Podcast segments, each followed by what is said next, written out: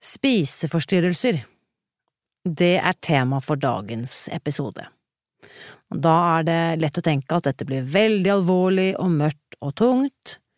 Fortvil ikke, på dette fagfeltet finnes det nå nemlig flere lyspunkter. Og det skal kurs- og foredragsholder Katrine Nitter fortelle deg mer om.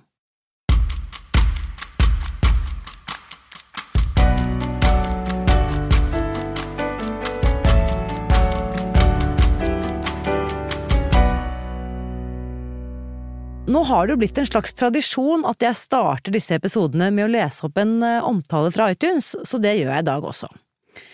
Denne gangen er det Heldige Nina som har skrevet, under tittelen Hjernen er min beste venn, og Heldige Nina skriver.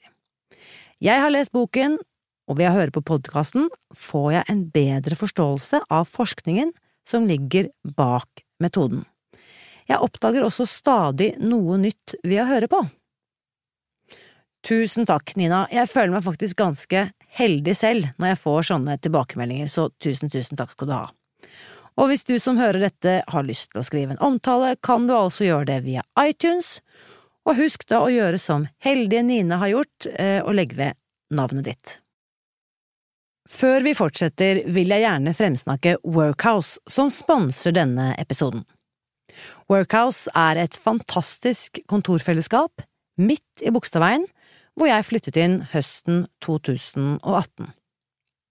For i likhet med de aller fleste gründere og frilansere som jeg kjenner, har jeg i veldig mange år brukt kjøkkenbordet som kontorpult. Det funker. En stund.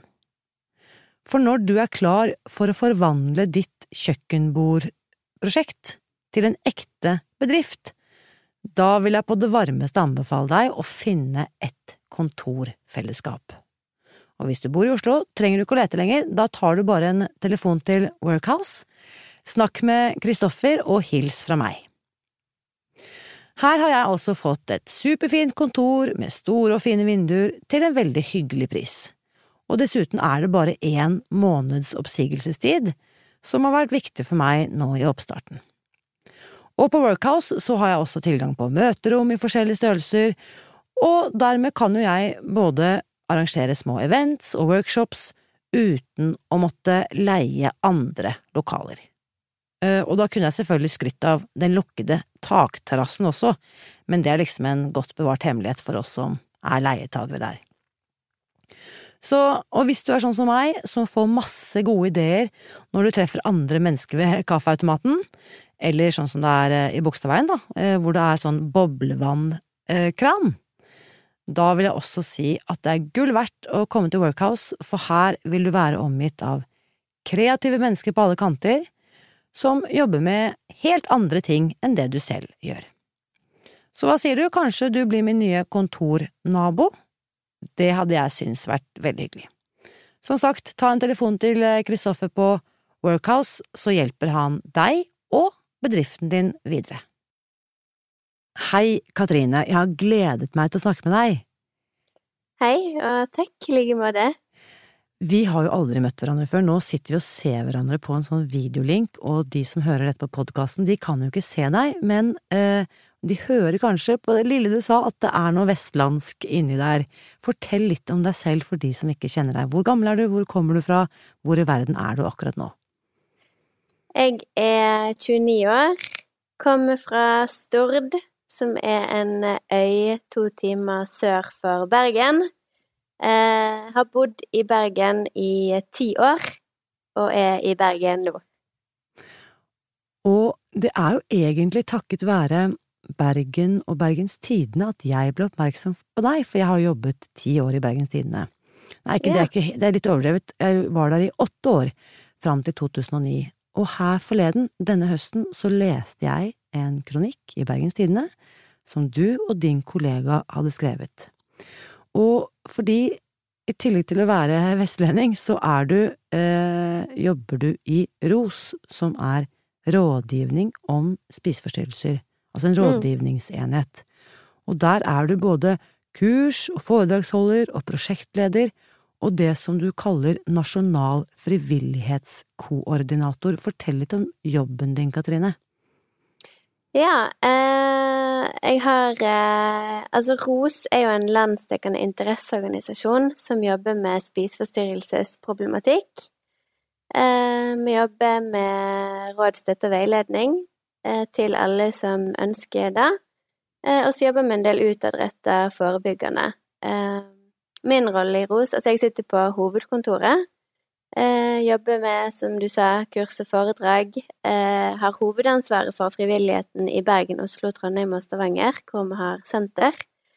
Og så er jeg prosjektleder for et prosjekt som heter Få bukt med overspisning, eh, som er et veiledet selvhjelpsprogram for personer med overspisningsproblematikk.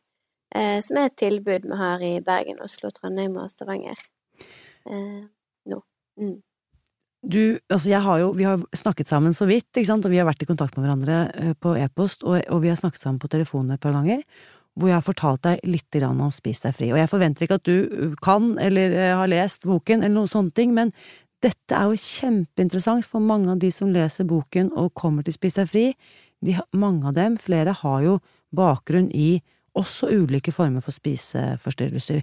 Og kanskje ikke bare spiseforstyrrelser, sånn som det er kjent etter diagnosemanualen, men også, la oss si, spise uønsket spiseatferd, da, for å bredde mm. feltet litt.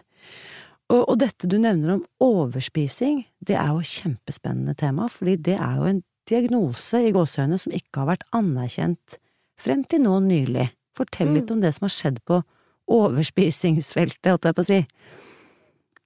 Altså, man begynte faktisk å snakke om overspisningslidelse allerede på 50-tallet. Eh, men det ble ikke definert som en egen diagnose eh, først i det amerikanske diagnosesystemet i 2013, DSM-manualen.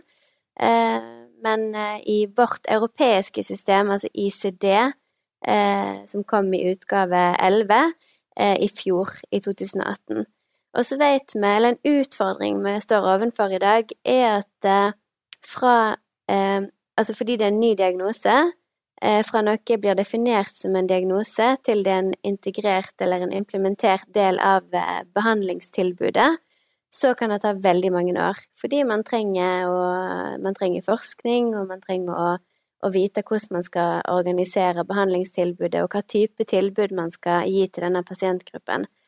Så akkurat nå så har vi en gruppe som detter litt mellom to stoler, eh, fordi at man eh, Altså en, en, eh, konsekvens ofte av overspisning, eh, eller en bakenforliggende faktor, er overvekt-fedmeproblematikk. Eh, og når man kommer til fastlegen, eh, så er det veldig lett for fastlegen å se overvekt-fedme, og da henvise til livsstilsendring eller vektreduserende behandling ikke til psykologisk hjelp, noe som denne gruppen trenger. Det er jeg så glad for at du poengterer, fordi at det er så lett å se den tjukke pasienten, og kanskje ja. ikke like lett å oppdage den, det såre, sårede mennesket som sitter på innsiden av den tjukke kroppen, som kanskje trenger andre behandlingstilbud enn det overvekten trenger. Mm. Så eh, i Spis deg fri land, da, så snakker vi jo masse om dette Um, og jeg sier ikke nå at det er mulig å spise seg nødvendigvis fri fra overspisingslidelse, men vi tar med den dimensjonen at det kanskje er andre grunner til at vi spiser, enn mm. det som kanskje er først sånn synlig for det blotte øyet, og det kanskje jeg selv er klar over også. Kanskje er jeg ikke klar over at jeg tyr til mat for å trøste meg selv, eller ta vare på meg selv, eller støtte meg selv, eller feire meg selv, altså alle disse automatiserte handlingene vi mange av oss gjør, da. Mm. Så ifølge og, og, og, og, apropos dette med diagnose, for hvis det er slik, og i Norge er jo ikke dette foreløpig implementert, stemmer ikke det? Eh, altså, det er, det er jo en del av diagnosemanualen vår, eh, men per i dag ikke en del av prioriteringsveilederen. Eh, og så er det litt avhengig av hvor i landet man bor. Eh, bor man eh, Ja, nå skal jeg ikke ramse opp alle plassene hvor man har tilbud, men men det er noen plasser i Norge som tilbyr god psykologisk eh, hjelp til eh, den pasientgruppen.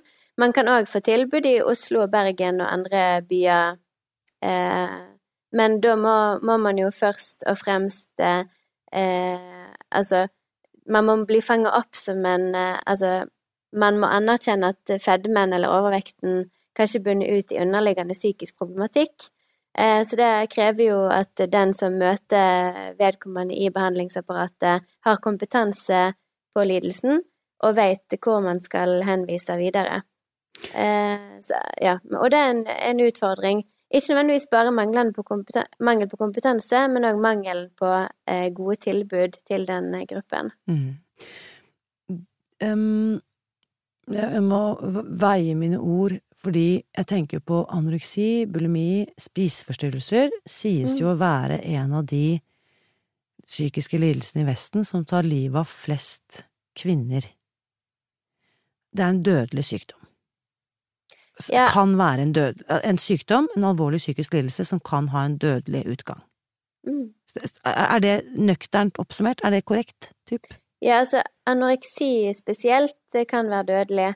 Eh, og akkurat det der har vi akkurat diskutert på jobb. Eh, vi fikk inn en overlege som eh, Fordi vi har lurt litt på det samme. Problemet i Norge i dag er at vi har utrolig lite oppdatert eh, kunnskap om spiseforstyrrelser. Så hvor mange som dør av spiseforstyrrelser, det er faktisk litt vanskelig å slå fast.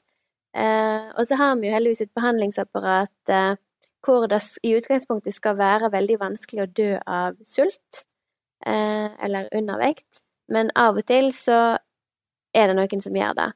Eh, så det er vanskelig å slå fast hvor mange som dør av det, men det er klart at eh, alvorlig undervekt over tid eh, kan være dødelig, eller kan få et dødelig utfall. Og eh, psykisk lidelse generelt. Eh, man kan Det å streve psykisk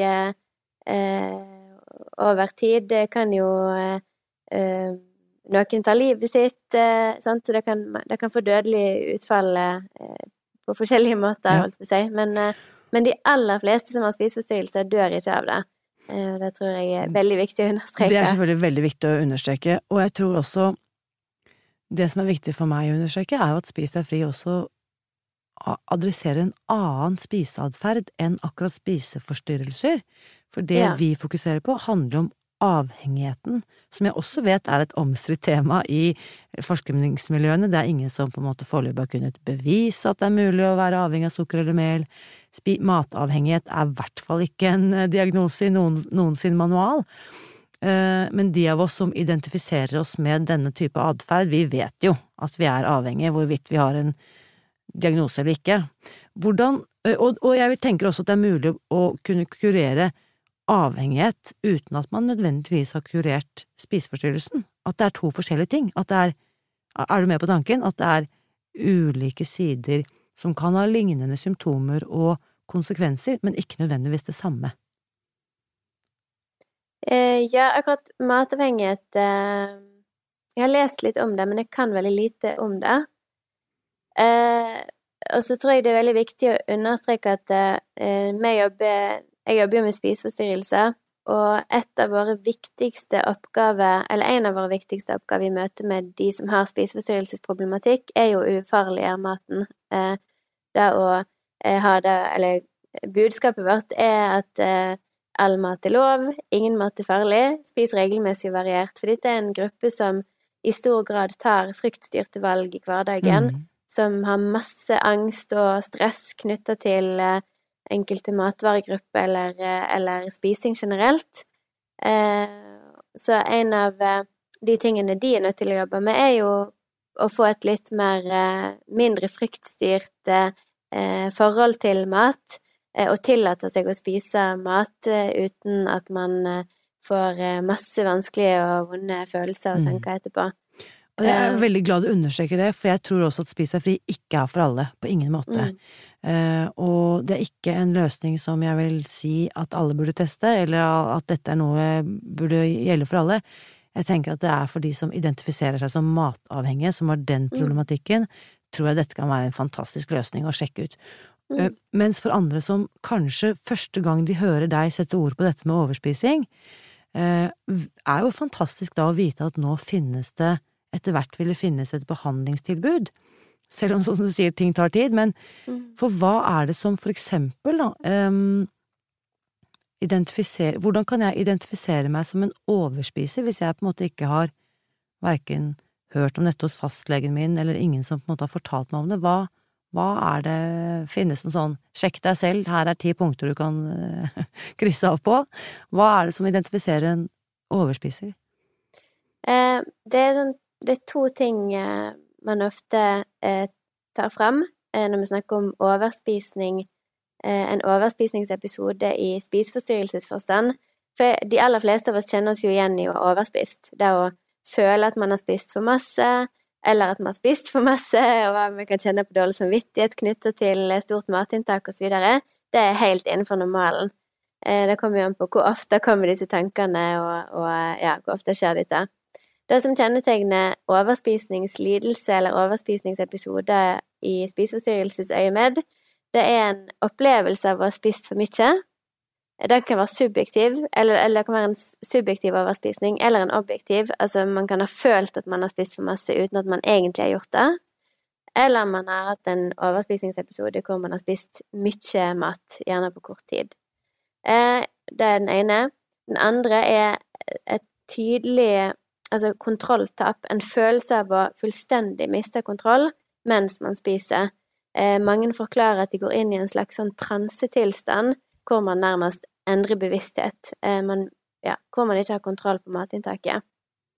Eh, og en Hvis jeg skal prøve å lage et sånn klassisk bilde av en som overspiser, så vil jeg si at det er en person som gjerne har prøvd ut alt som eksisterer på markedet av eh, dietter og slankekurer. Man har en sånn overordna slanketanke som er med en hele tiden, og man prøver gjerne ofte å underspise. Eh, man står kanskje opp om morgenen og tenker at eh, i dag skal jeg være flink, i dag skal jeg ikke spise. Og så går man kanskje hele formiddagen eller flere dager eh, og underspiser, og så kommer disse overspisningsepisodene hvor man mister kontroll på matinntaket eh, og ja, eh, overspiser. Jeg har snakket med en psykolog eh, som jobber med dette feltet i Norge, og hun forteller jo de vanskeligste, eller det hun har opplevd med, i, i pasientsamtale, er å eh, legge listen Altså ta vekk taket på hva som er mulig å tenke seg. Det er ikke sånn ja, hvor ofte spiser du sjokolade? Det, altså kanskje hun innleder samtalen med å si hva, hva, snakker vi om her, er det to plater sjokolade om dagen, tre, hvor mange liter is snakker vi om dagen? Altså at hun starter samtalen der, mm. slik at hun på en måte hun viser pasienten at jeg skjønner at her kan det være snakk om enorme mengder. Fordi hvis jeg skal sitte der med min topptrente fastlege og si sånn, jeg spiser to og en halv liter is før jeg legger meg, hver kveld, helst pistasje, men jeg kan godt spise jordbær, det er kanskje ikke… det, det krever ekstremt mye av meg, da, som pasient. Hvordan, hvordan trenes helsepersonell til å ta disse samtalene med pasienten? Hvordan Finnes det noe quick fix på dette, eller er det noe Hvor begynner samtalen, rett og slett? Det er jo et veldig godt spørsmål. Jeg tror eh, det, og, det, er veldig mange som kjenner på enormt mye skam knytta til eh, matinntaket sitt, eh, og bare det er jo en terskel for mange å trå over, eh, tror jeg, det å dele, dele det. Det som er viktig for helsepersonell, eller de som møter denne gruppen generelt, tror jeg, er å få tak i Altså, man bruker Det er jo en dårlig emosjonsregulering, spiseforstyrrelse, eh, hvor man misbruker mat for å håndtere vanskelige tanker og følelser. Eh, og det vi gjør i Få bukt med overspisning, det er selvhjelpsprogrammet, eh, som er et program som er, er laga med utgangspunkt i kognitiv terapi. Det er Christopher Fairburn, som er kjent psykiater og behandler innenfor spiseforstyrrelser i England, som har utvikla programmet.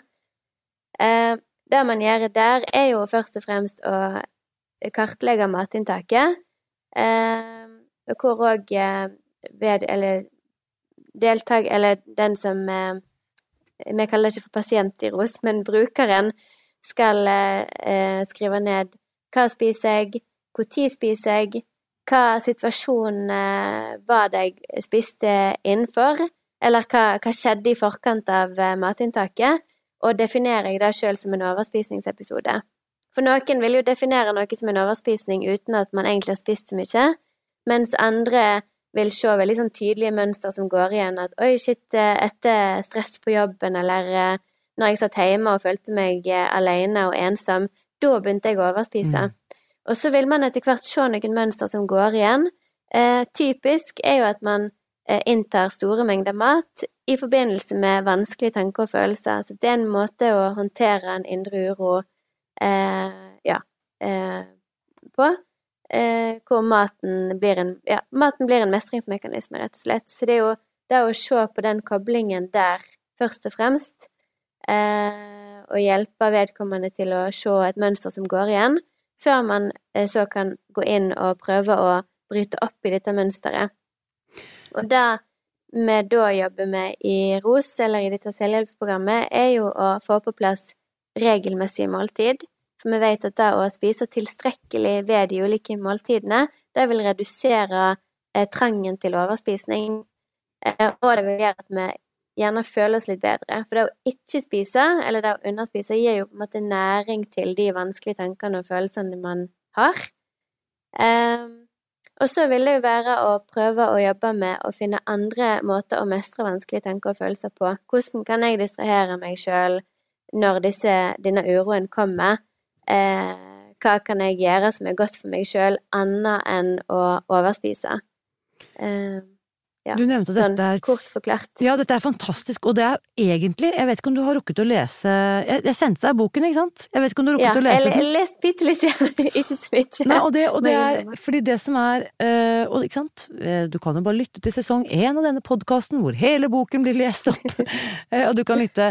Øh, Men poenget mitt her er at disse tingene du beskriver, dette er jo helt i tråd med det som psykolog Susan Pierce Thompson, som har utviklet Brightline Eating, eller Spis deg fri på norsk, helt eh, identisk. Um, og hun er også dette med hvorfor spiser jeg? Altså det å på en måte bli kjent med meg selv og matinntaket mitt, Mm. og finne ut at det også bare har vært en mestringsstrategi som jeg kanskje har hatt med meg helt siden jeg var bitte liten. Mm. Og det som jeg eh, Jo, først må jeg bare spørre dette med Du nevner at dette er et selvhjelpsprogram, og du nevnte disse byene innledningsvis, hvor i landet det er mulig å få tak i. Hvis jeg nå tenker, hører dette og tenker dette må jeg finne ut mer om, hvor kan jeg finne mer informasjon? Uh, man kan få veilede selvhjelp eh, i ROS selv om man ikke bor i disse byene. Uh, men da, da er det på telefon, og da er man heller ikke en del av det prosjektet som jeg snakket om. Men, eller man kan få andre annen veiledning hos ROS. Eh, eh, ja. Det som er Hvis man tar kontakt med oss og lurer på hva som kan passe, og hva type hjelp man trenger, så vil vi jo eh, i dialog finne ut eh, hva er det som Hva tilbud har vi som kan passe for deg. Og så tror jeg òg det er viktig å, å understreke at eh, eh, de personene dette programmet passer for eh, hos oss, er jo de personene som har en overspisningsproblematikk, men som ikke gjerne har stor grad av komorbiditet. Altså har man en alvorlig angst, depresjon, traume, eh, som eh, veldig mange med overspisningslidelse faktisk har, så må man jo først og fremst inn i behandlingsapparatet, i og med at vi ikke tilbyr eh, behandling, men eh, mer råd, støtte og veiledning eh, på lavterskelnivå. Eh, men det er òg noe vi vil hjelpe vedkommende til å finne ut av når de tar kontakt med oss. Og da, dette programmet, jeg antar at du sa at eh, ROS er en interesseorganisasjon, betyr det da at eh, er dette noe jeg betaler for selv for å være med på? Eller er Nei. det Nei, du får det Du blir henvist av fastlegen? Eh, det er helt gratis. Eh, man blir ikke henvist av fastlegen, hvis det var det du spurte om. Kan, kan, jeg, kan hvem som helst bli med? Hvis du Ja. altså Ja, nettopp. Det er jo fantastisk. Eh, man tar kontakt med oss, og så finner man ut i eh, samarbeid med Eller i dialog med rådgiver om det programmet kan passe eh, deg eller ikke. Og da er det fysiske møter i, eh, i disse byene hvor man møter opp eh, x antall ganger? Er det sånn å forstå? Ja. Det er et program som normalt sett varer i eh, ja, 20-25 uker, hvis man fullfører hele programmet. Eh, Det er fem eh, trinn i programmet som man skal gjennom. Eh, Og hvert trinn er man på så lenge man har behov for det, men som regel ja, to-tre uker på hvert trinn.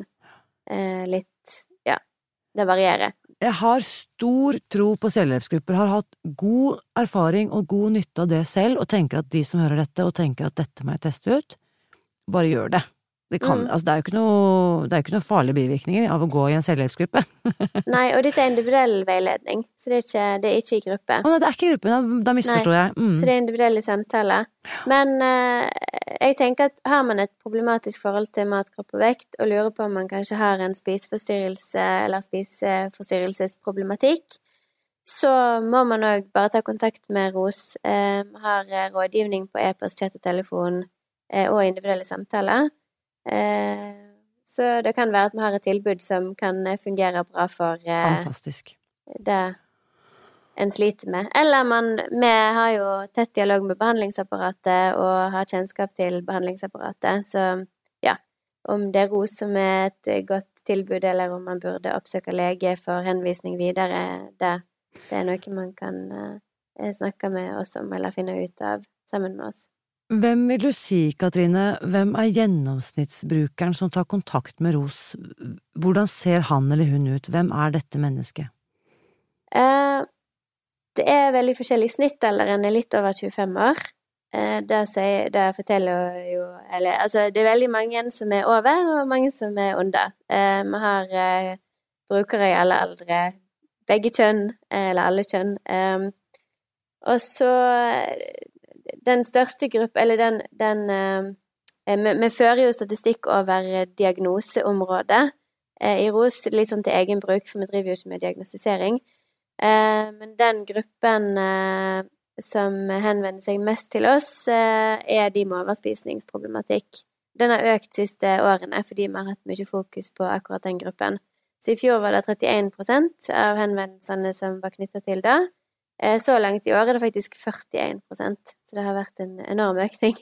Og det er vi veldig glad for, for det er den, det er den største gruppen innenfor spiseforstyrrelser. Eh, og det er fint at, eh, at de nå kontakter oss, eller at de kanskje identifiserer seg Altså at man ikke bare tenker at man er overvektig fordi man er lat og mangler selvdisiplin, som veldig mange tenker, men at man kanskje jeg lurer på om eh, det handler om underliggende psykisk problematikk som gjør at man eh, da ber om eh, litt annen type hjelp da enn vektreduserende behandling. Jeg må bare fremsnakke eh, en av mange, mange innlegg og artikler du har skrevet, eller hva skal vi si, debattinnlegg, kronikker, i da blant annet Bergens Tidende. Denne jeg tenker på her, det var en artikkel du skrev, prøv å finne datoen, det står ikke… Jo, der er det, 6. oktober. Fedme er ikke bare et fysisk problem, er tittelen på den, eh, det innlegget, og der står det i ingressen En stor gruppe overvektige mennesker bruker mat som en mestringsstrategi for å håndtere psykiske problemer. Det var en tekst du skrev i sammen med klinisk ernæringsfysiolog Marte Ottesen ved oppfølgingsenheten Frisk. Ja. Mm. Um, og jeg vil bare anbefale dere som hører dette, google Katrine Nitter eller ROS eller overspising eh, og Katrine, så finner dere masse interessante artikler. Jeg kan linke til noen av de til denne episoden også. Mm. Fordi tror ikke du også problemet her er, Katrine, at vi sitter på hver vår tue, vi sitter og skammer oss inne i hvert vårt mørke rom og vet ikke om at det faktisk Mm. finnes løsninger. Hvorvidt det nå er underspising, overspising, avhengighet eller andre ting som jeg skammer meg selv med, eh, at det er noe av kanskje den skumleste siden med denne problemstillingen. Mm. Jeg tror veldig mange føler seg veldig alene. Og det å I et samfunn som favoriserer det å være slank, eh, ung og veltrent, eh, hvor det å være litt sånn rigid er favoriserte egenskaper, eh, så er det ekstremt eh, skamfullt å si at man overspiser, spesielt, eller at man ikke fikser dette her med mat.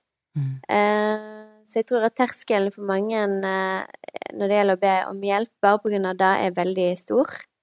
Um, og det at man i samfunnet vårt har en tendens til å sjukeliggjøre fedme, og gjøre fedme til et individuelt ansvar. Altså at man, har man pådratt seg en fedme, så, så er det bare å spise litt mindre og bevege seg mer, så går det over, eh, og du er sjøl ansvarlig for, eh, for, at du har eh, blitt tjukk. Så jeg tror det er viktig å anerkjenne fedme som en psykisk lidelse, men òg en sammensatt lidelse. Det er jo mer og mer forskning som ser på tarmbakterier, som ser på genetikk. Altså det, det, det er et veldig komplekst fenomen.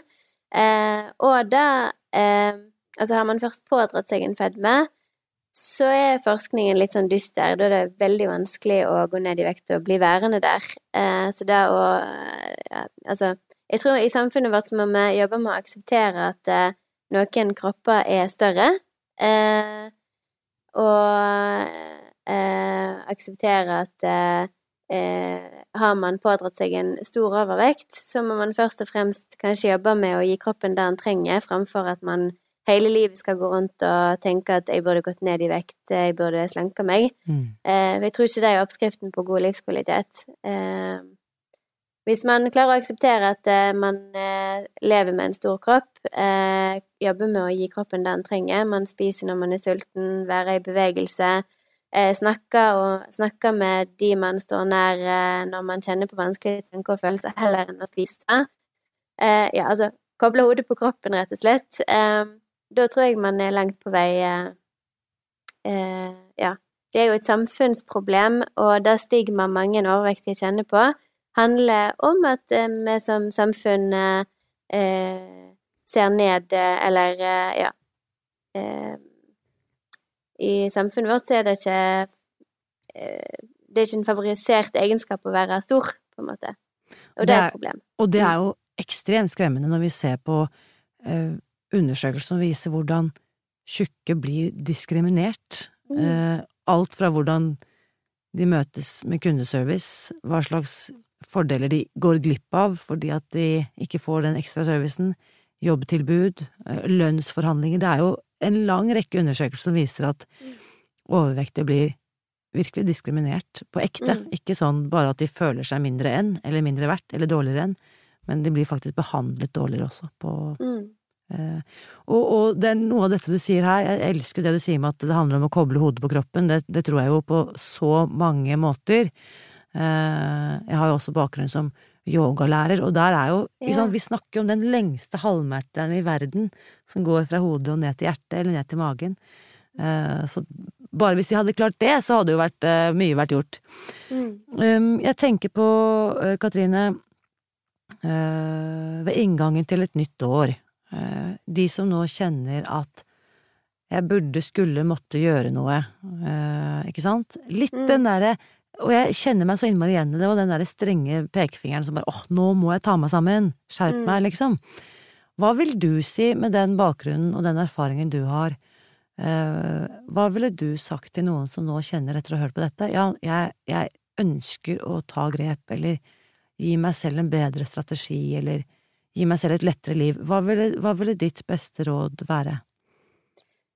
Jeg tror eh, for det første så er det veldig viktig å kjenne litt etter. Jeg prøver å kjenne etter hva er det jeg trenger, og hva er det jeg ønsker. Eh, det jeg pleier å si når jeg har undervisning, er at eh, bruk tid på aktiviteter og mennesker som gir deg positivt påfyll. Fordi i hverdagen vår så er det veldig mange ting som tapper energien vår. Vi må på jobb, hver dag hvis vi jobber fulltid. Vi må studere og ta eksamen hvis vi er studenter. Eh, vi må stå i en utfordring hvis man har et familiemedlem som blir syk eller går bort, eller har en venn som sliter eller lignende. Så er man nødt til å stå i det. Sånn at livet skjer oss på godt og vondt, eh, og tapper oss for energi innimellom. Og da er det ekstremt viktig at den tiden man har til overs, den bruker man på noe konstruktivt, noe man føler at er bra for en. Eh, så ikke fyll opp timeplanen med masse gruppetreningstimer hvis du kjenner at det tar energien din, og det er et herk og et ork. Eh, ikke begynn nyåret med fem treningstimer i uka hvis du ikke har for vane å trene. Så ta sånne små endringer, kjenn litt etter hva er det som kan fungere, hva vane er det som kan fungere for meg på sikt, og bruk tid på folk og ting og aktiviteter som du kjenner at er bra for deg. Eh, fyll opp kontoen innimellom. Eh, Trond Haukedal, som er psykolog, han sier at du kan ikke ta penger ut av en tom konto.